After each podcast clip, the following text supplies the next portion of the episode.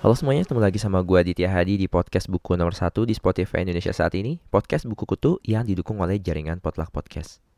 Bagi kalian yang baru pertama kali dengerin podcast ini Podcast buku kutu adalah sebuah podcast yang membahas tentang berbagai hal menarik dari dunia literasi Biasanya berupa review buku, obrolan dengan penulis atau penerbit Serta hal-hal lain yang seru untuk dibincangkan di dunia buku Kalau kalian gak mau ketinggalan, informasi terbaru dari dunia buku, langsung aja follow akun Instagram gue di @podcastbukukutu atau akun Twitter gue di @podcastbuku. Di episode kali ini gue mau membahas tentang sebuah buku yang unik banget. Judulnya itu Gentayangan, karya Intan Paramadita. Buku ini sudah diterbitkan oleh Gramedia Pustaka Utama tahun 2017 dan berhasil menyabet beberapa penghargaan. Di tahun yang sama, dia jadi buku sastra prosa terbaik dari Tempo, dan jadi nominasi Kusala Sastra Katulistiwa untuk tahun 2018. Buku ini bahkan sudah diterjemahkan ke dalam bahasa Inggris dengan judul The Wandering, diterbitkan oleh Harville Secker pada bulan Februari 2020 kemarin, jadi baru banget. Intan Paramadita sendiri sebelumnya udah beberapa kali nerbitin buku setahu gue, baik dalam bentuk kumpulan cerpen ataupun novel. Yang paling terkenal itu Sihir Perempuan. Kemudian ada juga buku Kumpulan Budak Setan yaitu kumpulan cerpen horor terbit tahun 2010. Di buku itu Intan bikinnya bareng Eka Kurniawan sama Ugoran Prasad. Buku Gentayangan ini menarik banget karena nggak menggunakan narasi yang kayak linear gitu. Dari awal sampai akhir seperti layaknya buku pada umumnya. Tapi buku ini mengajak kita untuk pilih sendiri petualanganmu. Buat yang pernah nonton salah satu episode Black Mirror yang judulnya Bandersnatch, kan di situ di serial Netflix itu kan kita akan dihadapkan sama beberapa pilihan. Jadi kalau kita mau milih, ah oh, gue mau lanjutannya itu A, kita bisa klik tombol A. Oh gue mau lanjutannya itu B, kita bisa klik tombol B, dan seterusnya. Nah, buku ini juga sama. Jadi di tengah-tengahnya kita akan dikasih beberapa pilihan. Kalau kita mau pilihan A, oh lanjut ke halaman sekian. Kalau kita mau pilihan B, oh lanjut atau mungkin balik lagi ke halaman sekian gitu. Terus endingnya gimana? Ya ada beberapa juga gitu. Kalau lihat Black Mirror Bandersnatch kan emang dia ada beberapa ending yang bisa kita ulang lagi, kita cari lagi gitu kan. Nah di buku ini kayaknya ada kayak belasan ending gitulah.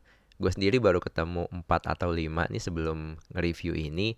Nanti mungkin gue akan lanjutin lagi. Buku ini kan totalnya ada sekitar 500-an halaman. Gue ada dapat ending yang sedang sekitar 150-an halaman mungkin. Tapi ada juga yang rada panjang gitu. Tapi ada juga yang pendek banget. Mungkin kalau jadi buku tuh cuman kayak 20-30 halaman doang. Jadi kayak pendek banget gitu.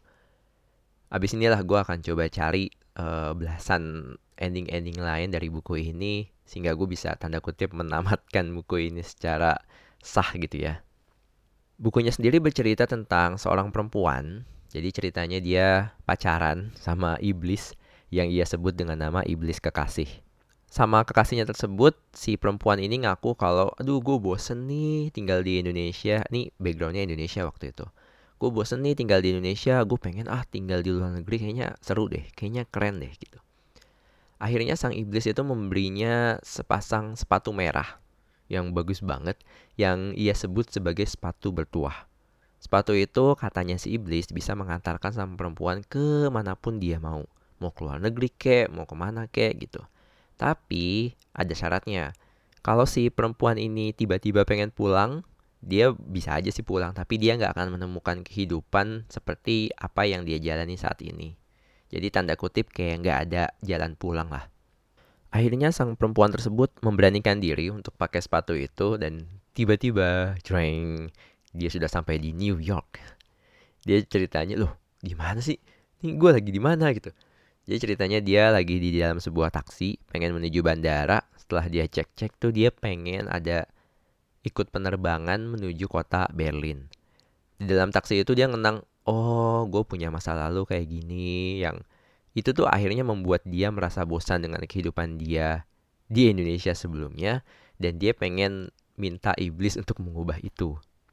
Tapi ketika sampai di bandara, ternyata dia baru sadar kalau sepatu merah kan tadi dia pakai sepatu merah itu ya pembelian si iblis dia cuma pakai satu dia pengen cuma pakai sebelah doang sebelahnya lagi entah hilang ke mana nah Barulah kemudian kita sebagai pembaca diberi pilihan untuk pertama membatalkan perjalanan dan kembali ke rumah, buka halaman selanjutnya.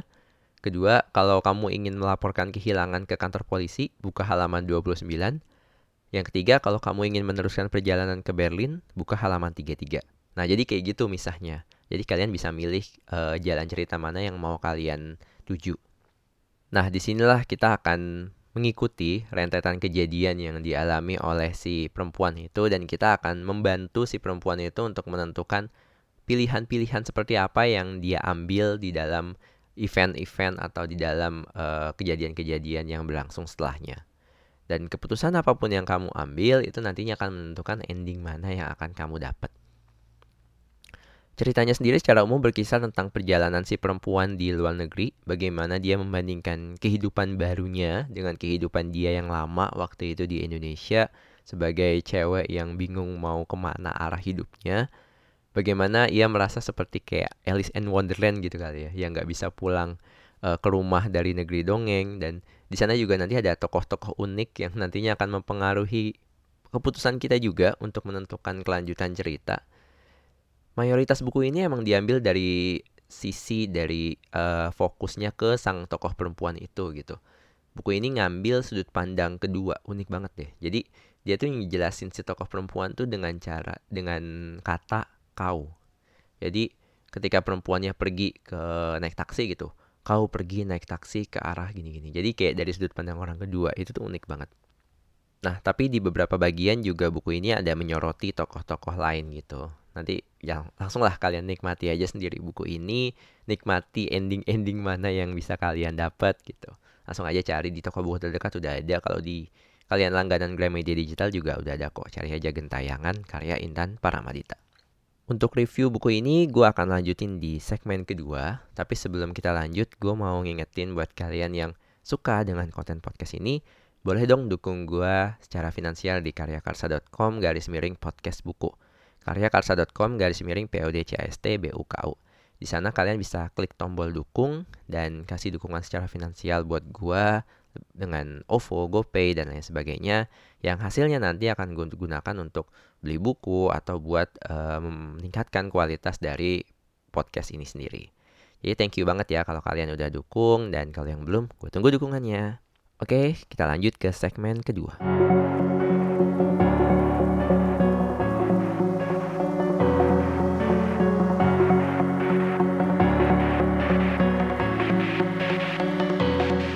Untuk buku Gentayangan karya Intan Paramadita yang sudah diterjemahkan ke dalam bahasa Inggris menjadi The Wandering, uh, buku ini menurut gue layak banget dapat 4 dari 5 bintang.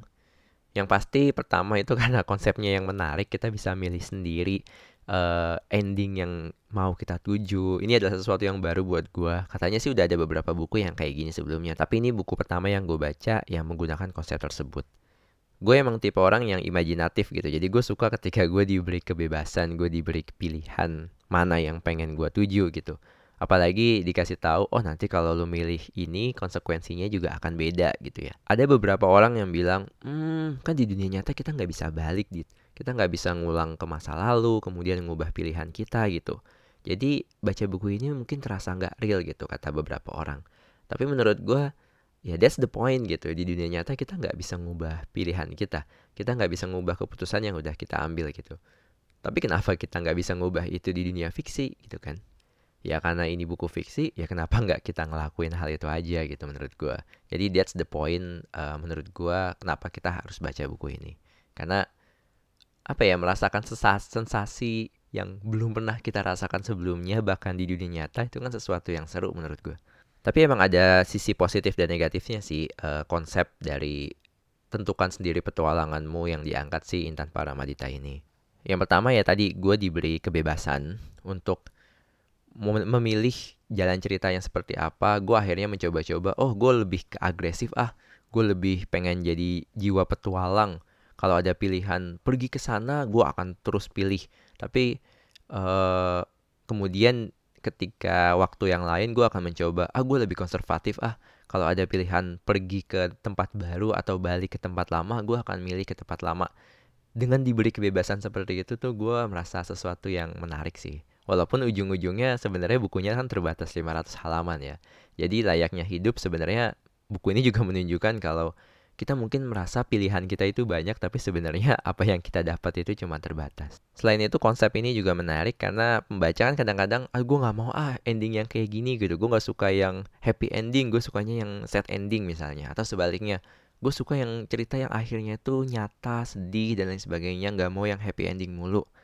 Nah, buku ini tuh seperti bisa mengcover semuanya gitu menurut gue. Itu sisi positifnya dari konsep tentukan sendiri petualanganmu. Dan selain itu juga si Intan Paramadita jadi punya keleluasaan untuk membangun plot twist-plot twist gitu kan. Oh, jadi ketika pilihannya misalnya gue milih ke Berlin gitu. Tapi ternyata oh dibelokin lagi ke mana. Oh tiba-tiba dibelokin lagi ke mana kayak gitu. Di sini dengan konsep seperti ini Intan Paramadita jadi bisa menghadirkan plot twist yang apa ya lebih menarik aja sih menurut gue dibanding konsep buku biasa. Tapi ya sisi ada sisi negatifnya juga menurut gue. Yang pertama endingnya jadi terlalu banyak dan gak semuanya akhirnya jadi memuaskan pembaca gitu. Mungkin ketika ada satu ending yang oh gue suka banget nih sama uh, oleh seorang pembaca gitu. Ya udah dia akan suka buku itu gitu. Tapi kan jadinya di buku ini jadi kayak mix gitu ketika menemukan ending yang bagus happy, tapi ketika menemukan ending yang gak bagus jadi gak happy gitu. Jadi buku ini bisa kayak mix reaction gitu sih. Dan karena konsepnya yang ada beberapa jalan cerita secara bersamaan itu gue jadi kayak kurang bisa meresapi penokohan dari si tokoh-tokoh di buku ini gitu kecuali yang si perempuan yang tokoh utamanya itu ya tapi ada tokoh-tokoh tambahan dari jalur cerita yang berbeda itu kayak kurang dapet guanya. Mungkin mungkin ya membaca buku ini tuh mungkin harus dianggap seperti membaca buku atau membaca cerpen mungkin ya yang berbeda-beda gitu. Jadi kita mesti oh uh, ketika selesai menemu satu ending kita mesti oh stop dulu refreshing. Oke kita baca dari awal. Ya kalau emang udah ada yang dibaca kita bisa skip sedikit tapi kemudian kita menganggap buku ini adalah sesuatu yang berbeda gitu. Baru ketika itu kita memilih jalan atau pilihan yang beda lagi untuk menemukan ending yang berbeda lagi gitu. Mungkin itu cara terbaik untuk menikmati buku ini kali ya. Dan kekurangannya ada lagi jadi uh, ada pilihan keputusan yang bisa kita ambil. Jadi ketika kita udah milih keputusan A, kemudian kita kan lanjut ke halaman sekian. Nah, di situ tuh ada tulisan di beberapa bagian itu ada tulisan gitu kembali ke halaman terakhir yang mengantarmu pada cerita ini. Nah, ini tuh membingungkan ini menurut gue. Karena kadang-kadang kita berhenti di tengah-tengah nih. Bayangin kalau kita lagi baca buku, kemudian berhenti di halaman 53 gitu, kemudian di halaman 54, kembali ke halaman terakhir yang mengantarmu pada cerita ini. Hmm, tadi gue ke halaman ini ke nyampe ke cerita bagian yang halaman 53 tadi, itu dari halaman nomor berapa ya? Gue lupa gitu dan beberapa orang emang ada yang kayak nyatet-nyatet di kertas gitu sih. Tapi gue pribadi gue males gitu untuk nyatet-nyatet kayak gitu. Dan akhirnya gue oh mana ya? Tadi gue ini di mana? Akhirnya gue kayak ngulang lagi dari awal ngerunut lagi ceritanya. Baru akhirnya oh tadi gue balik dari sini kayak gitu. Hal ini adalah kekurangan yang mungkin nanti bisa diperbaiki oleh penulis lain yang mungkin kemudian hari ingin mencoba hal yang sama juga. Itu hal pertama kenapa gue suka yaitu konsepnya menarik tentukan sendiri petualanganmu. Yang kedua gue suka karena buku ini menggunakan sudut pandang orang kedua. Bukan orang pertama atau orang ketiga tapi orang kedua. Jadi di buku ini menggunakan kata kau kau kau gitu. Oh kau naik taksi. Oh kau pergi ke sana. Oh kau naik pesawat gini-gini. Dan hal-hal kayak gitu yang digunakan oleh penulis untuk menunjukkan perjalanan yang dialami oleh si tokoh utama dan tokoh-tokoh lain Selanjutnya yang ketiga, kenapa gue suka buku ini adalah karena buku ini ngangkat apa ya sisi magical realism gitu kali ya. Kayaknya emang menurut gue ini gayanya Intan Paramadita gitu. Di buku sebelumnya kan juga ada unsur horor, mitos dan lain-lain gitu. Dan di sini kalian akan melihat bagaimana unsur-unsur magis itu nggak cuma si iblis yang ngasih sepatu itu di awal gitu ya, tapi ada juga kejadian-kejadian lain yang menunjukkan bagaimana uh, contohnya ada kejadian di satu part itu ternyata berhubungan dengan kejadian di part yang lain gitu. Meski setting tempatnya berbeda. Ini kan sebuah hal yang sifatnya magis gitu dan itu bisa kalian rasakan di buku ini. Lengkapnya seperti apa kalian baca sendiri aja gitu bukunya. Gue nggak mau spoiler. Tapi hal itu menurut gue digunakan oleh Intan untuk menunjukkan sisi filosofis dari cerita ini dan itu hal yang oke okay banget menurut gue. Jadi itu tadi kenapa gue suka buku ini karena konsepnya menarik, uh, tentukan sendiri petualanganmu, pakai sudut pandang orang kedua, kemudian ada sisi magisnya juga, Dan yang terakhir gue suka karena buku ini ngangkat banget topik-topik menarik soal contoh demonstrasi 98, G30 SPKI. Ada tanda kutip protes soal bagaimana masyarakat atau negara-negara di dunia ini menangani imigran. Ada cerita soal Malin Kundang, ada cerita uh, topik-topik soal feminisme yang kental banget. Bagaimana seorang perempuan itu suka tanda kutip tertindas oleh penentangan dari kaum yang sifatnya patriarki dan bagaimana kadang mereka tidak diberi kebebasan untuk menentukan jalan hidup mereka sendiri dan lain sebagainya. Selain itu, buku ini juga kayak bawa kalian keliling dunia karena settingnya itu beragam banget. Ada di New York, Berlin, Amsterdam, Tijuana, Harlem, Jakarta, Lebanon, India, Filipina, Vietnam, dan lain sebagainya. Jadi baca buku ini juga bisa berasa kayak kalian jalan-jalan ke sana kayak baca travel books gitu lah. Ada beberapa quote yang gue suka banget di buku ini. Mungkin salah satunya adalah kesukaan banyak membaca juga Cewek baik masuk surga, cewek bandel gentayangan. Kemudian ada juga quote di mana Intan Paramedita bilang, memelototi internet adalah mendengar pasal malam. Kau tak pernah dibiarkan sendirian. Status orang yang berganti tiap menit di dunia maya terus berteriak untuk didengar, menarik-narikmu agar menjadi bagian dari keluarga besar. Kau tak terasing, tapi tersedot keluar. Ya itu tadi pokoknya oke okay banget buku gentayangan karya Intan Paramadita ini kalian bisa langsung cari di toko buku terdekat atau bisa baca di Gramedia Digital juga. Oke, jangan lupa buat follow podcast ini di Spotify, Google Podcast, atau Apple Podcast. Uh, eh, gue juga ada di YouTube juga. Caranya bisa buka kanal Potluck Podcast, POD LCK Podcast, dan cari yang ada judulnya Buku Kutu. Kalau kalian suka dengan podcast ini, boleh dong share uh, podcast ini di Instastory, di Twitter, di Facebook, dan berbagai sosial media kalian. Dan bisa juga dukung gue secara finansial di karyakarsa.com garis miring podcast buku. karyakarsa.com garis miring PODCST BUKU.